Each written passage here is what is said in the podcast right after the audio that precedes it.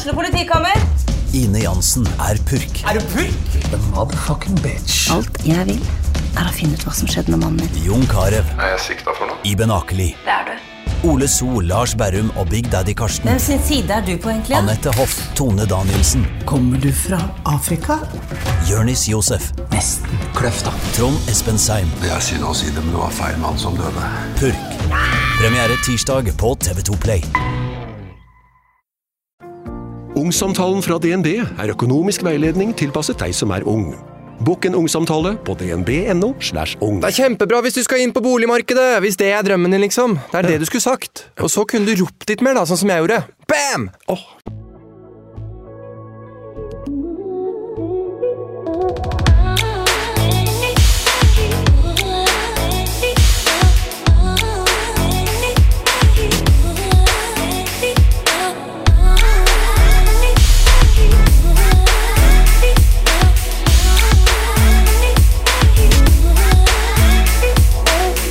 I dag så skal vi få treffe en dame med en ganske så annerledes hverdag enn mange av oss andre.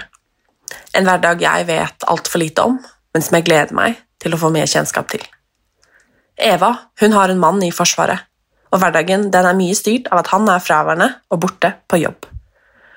Han har vært på åtte utenlandsoppdrag, og Eva deler nå om hvordan det oppleves for henne og deres to små jenter.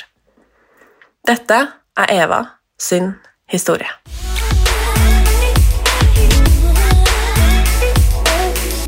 Visste du hva du uh, signa opp for? Eh, ja og nei. Eh, vi var jo voksen begge to når vi møttes. Eh, så han sa jo tydelig ifra at eh, jeg skal ut og reise.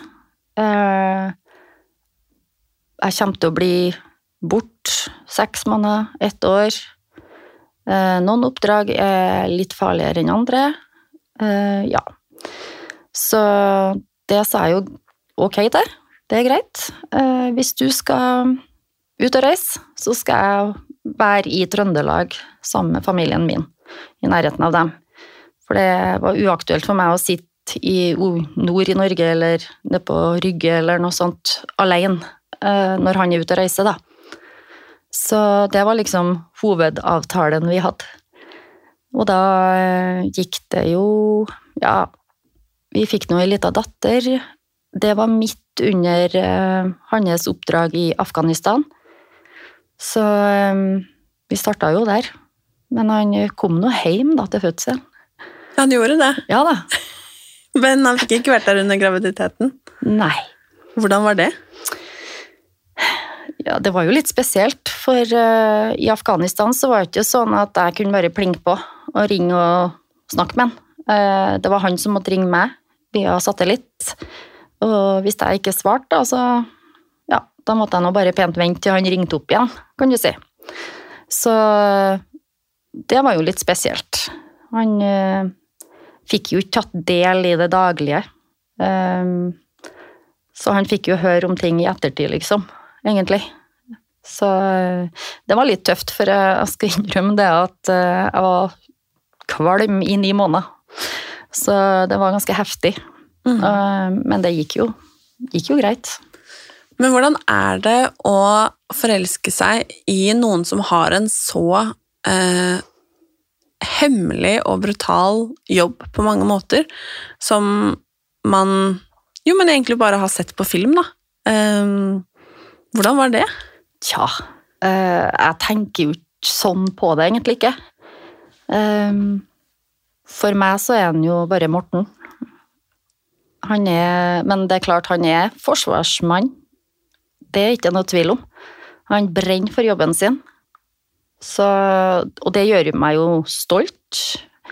Men det er klart at eh, medaljen har sine baksider. Det har de. Med tanke på reising og, og sånne ting, da. Så jeg tror nok jeg forelska meg i mannen Morten, og ikke den forsvarsbiten. Eh, Den måtte jeg bare ta med på kjøpet. Rett og slett. Hvor mange utenlandsoppdrag har det vært siden dere møttes? Eh, Det har vært tre større oppdrag, og så har han hatt noen sånne små imellom. men det har vært sånn ti dager og uke og litt sånne ting, da. Og så er det jo en del eh, øvelser som en er på imellom igjen, da. Eh, her i Norge, litt ut i Europa. Men det varer jo stort sett 14 dager, tre uker. Ja, sånne ting. Lenge nok for noen. Ja. Hvordan var det da når eh, det første utenlandsoppdraget kom? Hvordan håndterte dere det? Hvordan fungerer den prosessen egentlig? Tja, si det, du. Eh, jeg husker nesten ikke hvordan det var første gangen. Eh, når det ble bestemt, det er jeg faktisk litt usikker på. Eh, men jeg var jo gravid, som sagt. Så vi hadde jo mange samtaler med St. Olavs. Og det skal sies, de var veldig, veldig ok. Og la til rette så godt de kunne. Så han fikk jo komme hjem på permisjon. Og da ble jeg satt i gang litt før termin, sånn at vi var sikre på at han skulle være hjemme eh, under fødselen. For eh, du kan jo fort gå 14 dager over tida, og hvis han skulle bare være hjemme i 14 dager, så har jo det vært litt trist. Så der eh, all ære til St. Olavs for det. Um, men hvordan det starta Han var jo ferdig med luftkrigsskolen to år tidligere. Og så var han på ble stasjonert på Ørlandet. Og det var jo en sånn eh, quick response force. Så plutselig så satt han jo på et fly til Tyrkia for å passe på en Hercules nedi der. Eller så skulle han plutselig fly noe sånn taktikk, være med på noe sånn greier opp mot Bodø og hjem igjen. Og så, ja, det var mye som skjedde på den tida, da. Mye øvelser. Og da tok det jo ikke lang tid før han ble eh, bedt om å reise ut til Afghanistan. Og da hele det året i forveien, nesten, handler jo om den utreisa. Med forberedelser og ja, opptrening, medisinsk sjekk, alt sånn helse, ja. Og sånne ting. Så det, det er klart at Én en ting å være borte i seks måneder, men forberedelser tar òg veldig mye av tida, da. Gjør det. Hvordan forberedte du deg?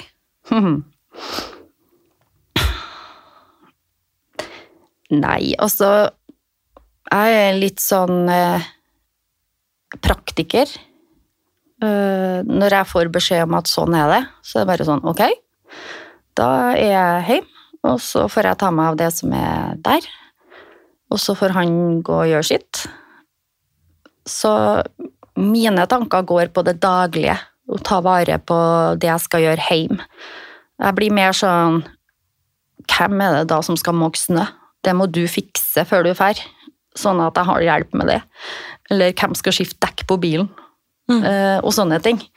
Så jeg bekymrer meg egentlig ikke så mye for han, eh, og hvor han er, og hva som kan skje. Det prøver jeg ikke å bruke så mye tid og energi på.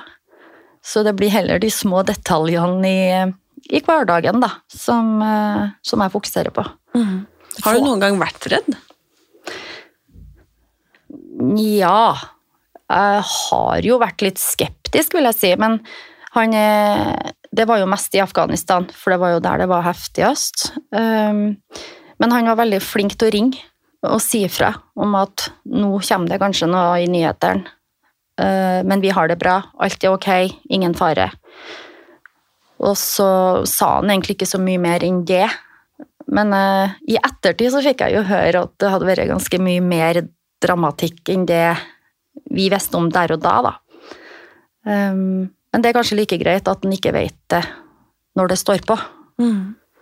Jeg tenker sånn med meg selv, eh, når man har en partner, da, så vil man jo gjerne dele alt fra liksom Jo, men hva man har lyst til å spise til middag, eller hva man skal gjøre i helga, eller altså Jo, men i dag skjedde dette på jobben. Du vet, sånne små milepæler. Altså hverdagen, da. Eh, og det er jo gjerne det man eh, signer opp for med en partner også. Man skal dele liksom livet og hverdagen sammen. Um, og én ting er jo at dere på en måte bor fra hverandre um, et halvt år til et år, men en annen ting er jo at dere får jo egentlig ikke prate sammen altså på den måten heller, da.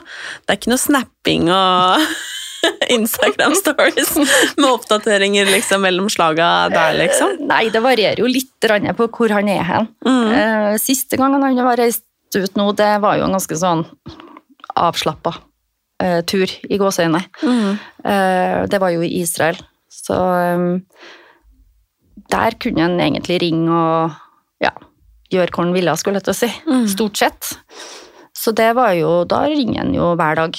Og da blir det jo litt av den normale samtalen, da, om hva som har foregått, hvordan går det med ungene, hva har dere gjort i dag, osv., osv. Um, og han forteller litt hva han har opplevd, og, og litt sånn. Så vi er litt vant til å ta de tingene på telefon, fordi at eh, han Når han er hjemme i Norge, så bor han jo heller ikke sammen med oss hele tida. Han er jo ukependler, så han er jo kun hjemme i helgen. Eh, og ikke hver helg heller. Så eh, vi er litt sånn Det er hverdagen vår, det. At han er borte, egentlig. Dere fikk eh, første barn sammen, Mhm. eh, og hvor kort tid senere reiste han? Nei, eh, vi fikk Anna ja, i 2012, eh, når når han var i Afghanistan. Og så fikk vi lille Emma Johanne i 2013. Og da gikk det to år faktisk til før han reiste ut. Så i Ja. 2015, da, da var det på'n igjen. Da var det Sør-Sudan som sto for tur. Så eh, da fikk jeg telefon ja, rundt påsketider om, og spørsmål om det var greit, for han hadde blitt bedt om å reise ut. Og så er det alltid den Jeg kan jo si nei. Ja, du kan si nei, men jeg har ikke samvittighet til å, å si nei for han. Egentlig ikke, for jeg vet hvor mye det betyr for han. da. Men har du på en måte retten til å si nei, og da er det nei, på en måte? Ja, han sier så, Ja, ok. men det har jeg jo ikke gjort fram til nå. Har ikke testa? Nei, jeg har ikke testa den. Ehm, så For jeg ser som sagt han blir rastløs. Jeg ser det på han egentlig før han vet det sjøl, tror jeg. At nå begynner det å nærme seg tid for utreise. For eh, ja, han blir rastløs, rett og slett. Så, ehm, så vi fikk 48 timer på oss da, til å bestemme oss på om han skulle reise eller ikke. Og da var det egentlig at han skulle reise ut 11. mai, mener jeg. Så det var veldig, veldig kort betenkningstid den gangen. Mm. Men eh, det ble jo 1. august, da, før han kom seg ut. Så eh, det var kanskje nesten det verste, faktisk. Det å gå og vente og ikke vite når han skulle reise. Vi reiste på ferie til Sørlandet med full oppakning, militær oppakning bak i biler. Så tilfelle han fikk telefonen om at nå reiser vi. Så den syntes jeg var nesten kjipere enn enn å vite at nå reiser han og er borte, liksom. Mm. Men den ventinga, den syns jeg var fryktelig. Du signer jo egentlig også opp på å ta deg av alle disse tingene alene. Alt fra liksom, ja, men barneoppdragelse, skoleavslutninger, julaften kanskje, altså bursdager, eh, begravelser, om noen går bort, men som altså, Mm. Er det kanskje det nærmeste, så hadde det kanskje vært annerledes, jeg vet ikke, men altså sånne ting som skjer i løpet av et liv og en hverdag, liksom, og én ting er jo at du sikkert lærer deg å bli kjempeselvstendig og har lært deg det, men føles det ikke av og til litt urettferdig og kjipt at det er sånn også? Å jo, absolutt. Det gjør det jo. Eh, Jeg tenker jo mye på ungene. Og han har ikke vært med på mange barnebursdager, det skal sies. Det, det Jeg kan sikkert telle på ei hånd hvor mange han har vært med på. Så eh, Så det som kanskje jeg er reddest for, da, det er jo at han vil se tilbake på tida han har brukt på utreiser og sånn, og angre seg litt for at han ikke fikk del i det hverdagslivet som er for, eh, for alle jentene, da. For eh, som sagt, han går glipp av de små tingene. Som skolestart, juleavslutninger, bursdager, som du sier. Ja, forskjellige mil milepæler. Mm. Den, eh, det går han jo glipp av. Snakker dere mye om det? Det blir stort sett, stort sett når han når han skal ut og reise. Unnskyld. Så ja. Stort sett når han skal ut og reise, så blir det jo litt prat om det. For eh, som jeg bruker å si det, at uh, du bestemmer nå sjøl om du vil reise eller ikke. Jeg er nå her, jeg. Når du kommer tilbake. Jeg har ikke tenkt meg noen sted. Så du må bare avgjøre sjøl om du er villig til å ofre, da. Tida med ungene og alle de små tingene for et oppdrag i utlandet. Og fram til nå så har han jo valgt bort i dagliglivet og tatt seg en tur ut. Hvordan klarer du å være så raus? Jeg vet Jeg tror jeg vet hvor mye det betyr. Um, hvis jeg har sagt nei, så tror jeg ikke livet har blitt ok for noen av oss. Jeg tror han har eh, fått det vanskelig i å være i ro. Og det tror jeg har gått utover i familien nå. Så jeg vet at han er veldig stolt av jobben han gjør. Han finner den meningsfull. Og vi òg er jo stolt. Han ofrer jo mye for å være ute og prøve å hjelpe, da. Men føler du noen gang at han ofrer dere? Ja, det gjør jeg. Absolutt. Hvordan føles det, da? Nei, det er jo selvfølgelig litt sånn trist noen ganger. Men samtidig så har det jo vært en del av dealen fra dag én. Så det var jo noe jeg signa opp for, egentlig. Um, Sjøl om du kanskje ikke ser det for deg helt der og da, hvordan det kommer til å bli, så blir jeg jo overraska til tider når han velger Forsvaret foran familie. Det, det blir jeg jo. Men samtidig så har jeg ikke samvittighet til å, å holde den bort ifra det. Hvordan opplever du tilbakemeldingene fra altså både de nærmeste, men også venner og jo, men bekjente som sikkert eh, både er nysgjerrig på hvordan dette går, og hvordan det er, og sikkert har noen meninger om det livet dere velger å leve også? Ja, det er ganske mange sterke meninger om det. Jeg får jo ofte høre 'Å, herlighet, skal han ut og reise igjen nå?' Eh, Enn å være så egoistisk. Tenker ikke på dere? Hvor lenge skal han være ute nå, da? Eh, hvem skal Hvem skal liksom ta seg av dere, og ja, litt forskjellig. Sånne kommentarer. Eh, jeg tror Jeg tror det er veldig, veldig vanskelig å forstå den dynamikken vi har. For folk som er vant til å jobbe åtte til fire og møtes rundt middagsbordet hver dag. Så For jeg hører jo venner som sier at åh, mannen min skal reise bort i helga, og jeg må være hjemme alene med ungene fra fredag til søndag. Og da blir jo jeg litt sånn Og så, da? Det er jo helt greit. Altså, det takler du faktisk veldig bra hvis du går inn for det. Men du, det kommer an på innstillinga. Har du bestemt deg for at det her blir fælt og slitsomt, ja, da blir det fælt og slitsomt. Så jeg tenker liksom det at vi må ha positiv innstilling. Så, men jeg kan ikke forvente at andre skjønner hvor vi hvor vi er hen, da, kan du si, i forholdet. Men føler du deg alene? Ja, det gjør jeg. Fordi at vi bor på en plass der det ikke er noe mye forsvarsfolk. Så det er liksom ingen andre som jeg kan dele erfaringer med og frustrasjoner med og sånne ting, i umiddelbar nærhet. Så det kan jo være litt ensomt. Ukas annonsør er Asan, min daglige intimmask. Jeg er oppvokst med Asan intimsåpe i dusjen hjemme hos mamma og pappa, og det ble også en vane jeg tok med meg da jeg flyttet ut hjemmefra. Med andre ord så har Asan fulgt meg så lenge jeg kan huske. Gjennom ulike faser, perioder, oppturer og nedturer. Og vet du hva? Nå har Asan blitt nyere og bedre, med et oppdatert utseende, ny logo og bedre formulering som er ekstra mykgjørende.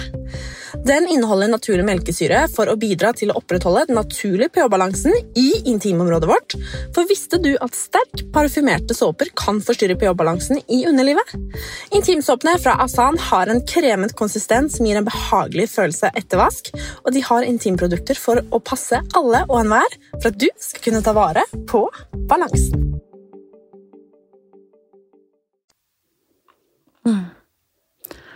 Dere har jo eh, barn også. Og hvordan er det egentlig for de, uten at Det er kanskje vanskelig å svare for de, men hvordan er det å være mamma og, og se på at Jo, men pappa, da, ofte velger de bort. Um, og at du må fylle et stort rom. Hvordan reagerer de, og hvordan er det å være mamma i en sånn situasjon? De første gangene han reiste ut, så var de jo veldig små. Så de skjønte jo liksom ikke helt hva han skulle. Da skulle han jo til Afrika og passe på dyra. Det var jo historien da. Og da hadde de jo heller ingen tidsperspektiv på ting. Så da gikk det jo greit for dem. Ehm, Men nå sist han skulle reise ut, så var de jo gamlere. Og nå skjønner de mye mer. Og skjønner òg at det kan være farlig, og blir mye mer bekymra. Så vi gjorde en stor jobb da der, før han reiste ut, og mens han var ute òg. Vi hadde stor kontakt med skole, blant annet. Eh, Der han kom inn i klassene og hadde på seg uniform og ja, prata litt om hva han skulle gjøre, og sånne ting. Og forberedt både klassekompiser og lærere og sånn på at han kunne plutselig bli lei seg. Og da vet de i hvert fall hvorfor de var lei. Så det var litt annerledes denne gangen. Og ja, de savner jo på en annen måte. Men samtidig så er det jo en del av livet vårt òg. Han er jo borte i ukedagene uansett. Så de er jo ganske vant til at han er ute og reiser, og er borte. Men det er klart at uh, savnet er jo der, for jeg kan ikke erstatte han. Absolutt ikke. Så eh, de har nok blitt veldig knytta av mammaen sin, da. Veldig avhengig av mammaen sin. Det, det hører jeg jo når han er hjemme òg, for det går på mamma. Mamma, mamma. De glemmer liksom at han er Å ja, han er her, han òg, ja. Men syns du at det er urettferdig på en måte? At uh, misforstå meg rett, han får gjøre som han vil, og så sitter du igjen der og Kanskje feil å si 'ta dritten', men ja, det kan kanskje føles sånn innimellom. Ja, nå er jeg Ja, jeg føler at jeg har gjort så mye og reist og ja, levd livet egentlig yngre dager. Så eh, jeg er veldig hjemmekjær. Familiekjær. Så for meg så føler ikke jeg Jeg føler ikke at jeg ofrer noe. Jeg føler heller at jeg er med og bidrar. Det er en Det er fin sånn innstilling. jeg ser på det. da. Mm. At uh, jeg er med og bidrar til at han kan ut og gjøre sin jobb. Det Ja.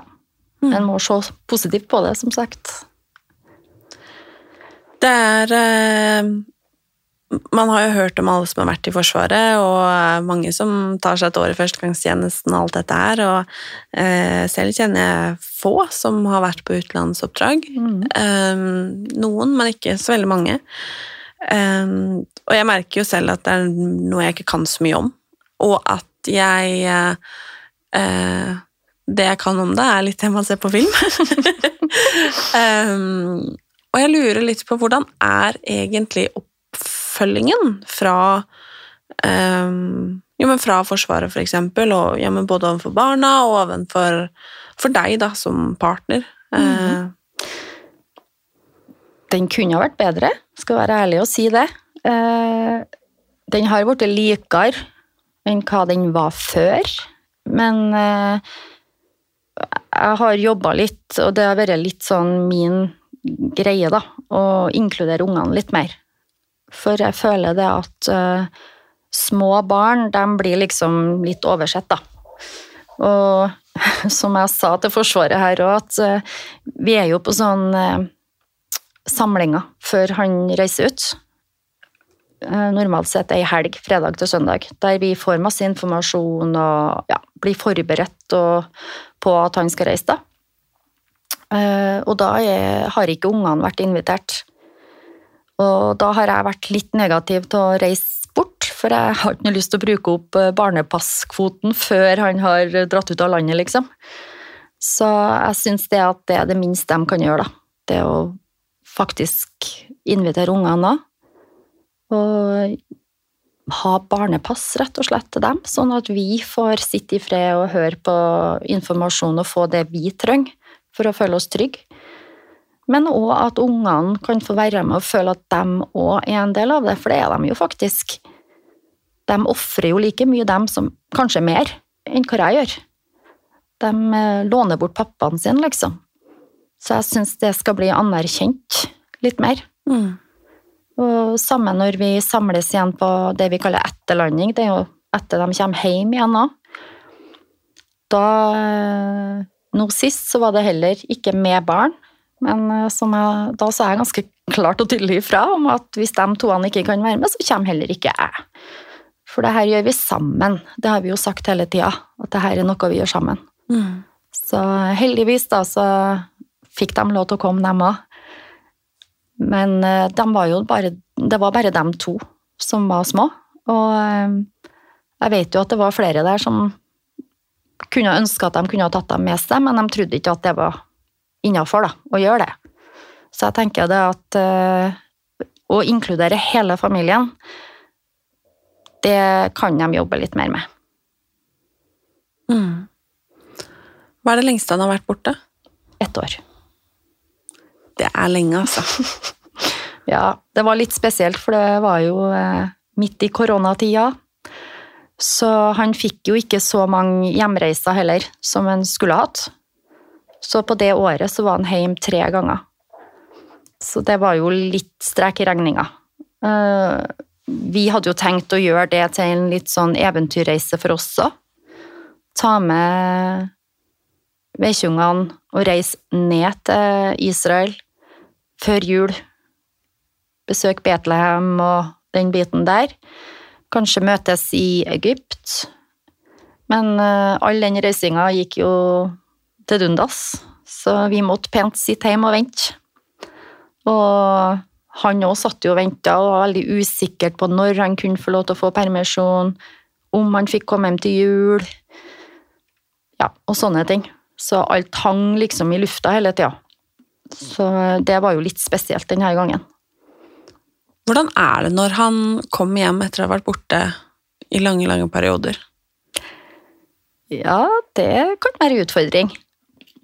Det er jo selvfølgelig veldig, veldig stas å få han hjem igjen. Hva gjør dere når han eh, kommer hjem? Nei, altså, vi møtes jo som regel på Værnes, da. Eller ned på Gardermoen, litt ettersom. Og da er det jo norske flagg, og sist nå så hadde vi jo plakat med 'Velkommen hjem, pappa'. Og nå når ungene får bestemme litt, så er det jo selvfølgelig McDonald's på tur hjem. så, men ellers da, så er det litt sånn fokus på å være sammen, alle fire. Uh, Finne på ting. Ut, ut i skogen, være i stallen, badeland, kino. Eller sitte hjemme og bare se på film sammen, liksom. For det vil jo han òg gjerne gjøre når han først har kommet hjem. Mm. Um, så det er veldig sånn idyll de første dagene, kanskje, men så kommer jo hverdagen. Og da kan det være litt mer utfordrende. For han vil jo så gjerne bidra og hjelpe til når han først er hjemme, men så forkludrer han egentlig mer enn han hjelper. For uh, han begynner å endre på rutiner, uh, gjør ting på andre måter enn det vi er vant til, som kan føre til at jeg får piggene ut.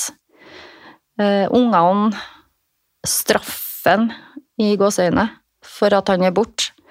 Så hvis han ber dem om å gå og pusse tennene, så får han som regel bare nei til svar. Det gjør ikke jeg for deg. Det er uaktuelt, liksom. Så, og hvis jeg ber dem, da, så spretter de opp og gjør det med en gang. Så det er en litt sånn klassiker, da, at de tester han veldig på på sånne ting. Er det sånn at du går og er litt sånn Kan grue deg litt til Ok, når, når skjer det igjen, liksom?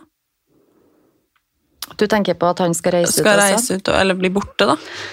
Ehm, jeg går ikke og gruver meg, men eh, jeg er jo alltid forberedt. Men jeg orker ikke å bruke tida mi og energien min på ting som vi ikke vet noe om her og nå. Så det eneste jeg vet, er at han kommer til å reise ut i hvert fall én gang til. Han begynner jo å bli voksen nå, så eh, det er kanskje på tide at han begynner å roe ned litt. Men eh, han har et veldig stort ønske om å få reise ut en siste gang. Det sa han vel kanskje sist òg, men eh, ja. Nå tror jeg kanskje det blir siste gang. Men hvor lenge det Ja, når det blir, det vet ikke jeg. Det kan bli neste år, to år, tre år. Ja, hvem vet. Drømmer du om en sånn hva skal man si, normal tilværelse? At han er pensjonist og er hjemme, og dere gjør på en måte alt sammen. Han er tilgjengelig for alle som er glad i han, og som han er glad i. Og, ja, men du vet, det der vanlige, klassiske livet, eller føles det liksom så langt bort? Det føles litt langt bort, og det føles litt sånn, hva skal jeg si, uvant. Ehm, Jeg bruker jo å si da at eh, når de kommer hjem, så har de jo seks uker der det er pålagt hvile. Så da er de Da går vi fra at han ikke er hjemme i det hele tatt, til at han er hjemme 24-7. Og det kan jo by på utfordringer i forhold til at jeg tenker som så at åh, gi meg nå litt eh, pusterom. Jeg blir jo kvalt her. Hva gjør du hjemme hele den tida, liksom? Um, så for meg, og at vi skal være sammen sju dager i uka, 24 timer i døgnet, det, det blir uvant i så fall. Så det kommer nok til å ta litt sånn tilvenning. Mm. For vi er så ja, samkjørt i det sporet vi er i nå. Men eh, vi kommer jo til å få til det òg. Han er jo ute og forsvarer eh, landet og bidrar. Og jeg vet ikke så mye mer enn hva som står på nyhetene, om hva de holder på med, og hva som har blitt gjort de, de siste årene, på en måte. Eh, hva man, ja, man leser og hører. Em, vet du mer? Er det vondt å vite? Er det vanskelig å vite? Vil du ikke vite? Hvordan er det? Han er ikke så flink til å fortelle så mye fra hverdagen nedi der. Eller ikke om selve oppdraget. Det gjør ikke han. Um, han kan fortelle litt, men eh, jeg tror nok han holder tilbake en del òg. Spesielt kanskje vonde minner, eller vonde opplevelser. Det merker jeg jo. Um, han har helt sikkert opplevd ting som han ikke vil at vi skal vite. Han sover veldig lett. Han uh, blir fryktelig redd hvis jeg vekker han på natta. Eller hvis ungene kommer inn om natta og vekker han, så spretter han opp, livredd. Og det er jo, det er jo ikke normalt.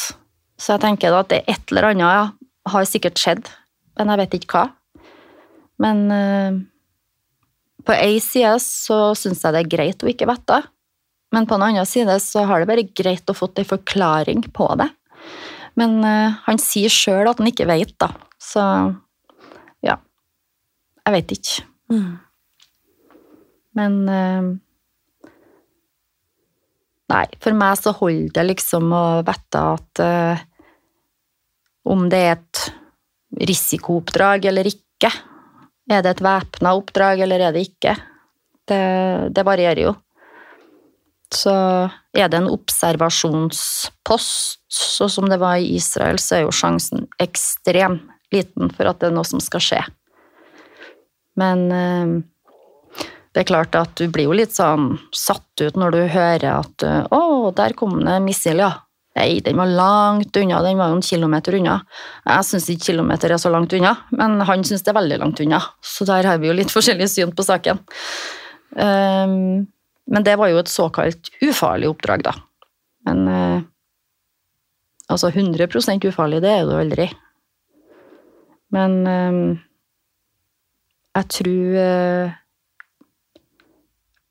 Ja. Sover du godt om natta? Ja. Det gjør jeg. Sover du best når han er hjemme, eller ikke? Nei, det tror jeg like bra. Begge deler. Så Men bra. det er godt å få sove litt om morgenen når han er hjemme. da sover jeg med god samvittighet. Da er det han som tar morgenskiftet. Ja, da er det hans tur, altså. Det er jeg helt enig i, Ja. faktisk. Så nei, jeg sover like bra.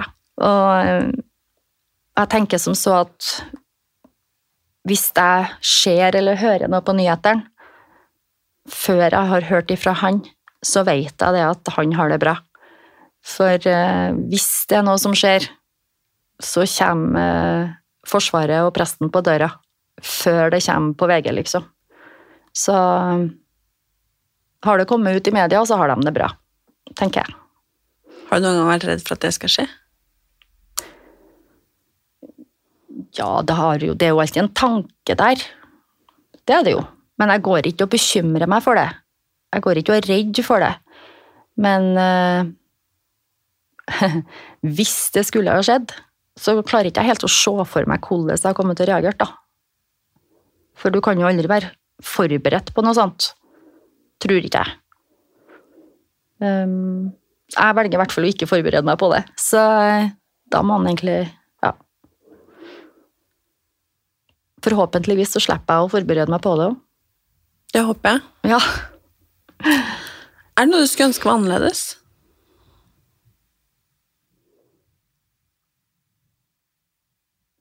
Tja Det er klart det at uh, Han er jo mye borte og reiser, selvfølgelig. Uh, det har jo vært hyggelig å ha han hjemme litt mer. Men som sagt så vet jeg at det der er en del av hans person. Uh, han blir som sagt rastløs, og jeg tror det er et enormt fellesskap de har, de som reiser ut sammen. Og de har nok eh, felles opplevelser og, og, ting, og forståelse for ting som vi vanlige sivile ikke har sjanse til å sette oss inn i. Så jeg tror det er helt spesielt, det samholdet. Og jeg unner han, da, å få oppleve det. Så Nei, det her er vår livsstil. Og det Jeg har funnet meg til rette sånn som vi har det, egentlig. Er det verdt det? Ja. For meg så er det det. Men eh, spør du ungene, så er det ikke sikkert de er helt enig. Tusen takk for at du hadde lyst til å komme og snakke med meg. Takk for meg. Og sette oss inn i en hverdag og et liv som ja, vi stort sett bare ser på film. Mm. Det er litt lett å glemme at det, det er mennesker rundt oss, og mennesker man kanskje er glad i, eller vet hvem er, og i nærområdet som, som lever på den måten her. Og jeg må innrømme at jeg har enormt stor respekt for det. Både, både de som er der ute, men kanskje litt ekstra for, for de som sitter hjemme og venter, og, og for barna. Mm. Takk for det. Så takk for at du ville komme.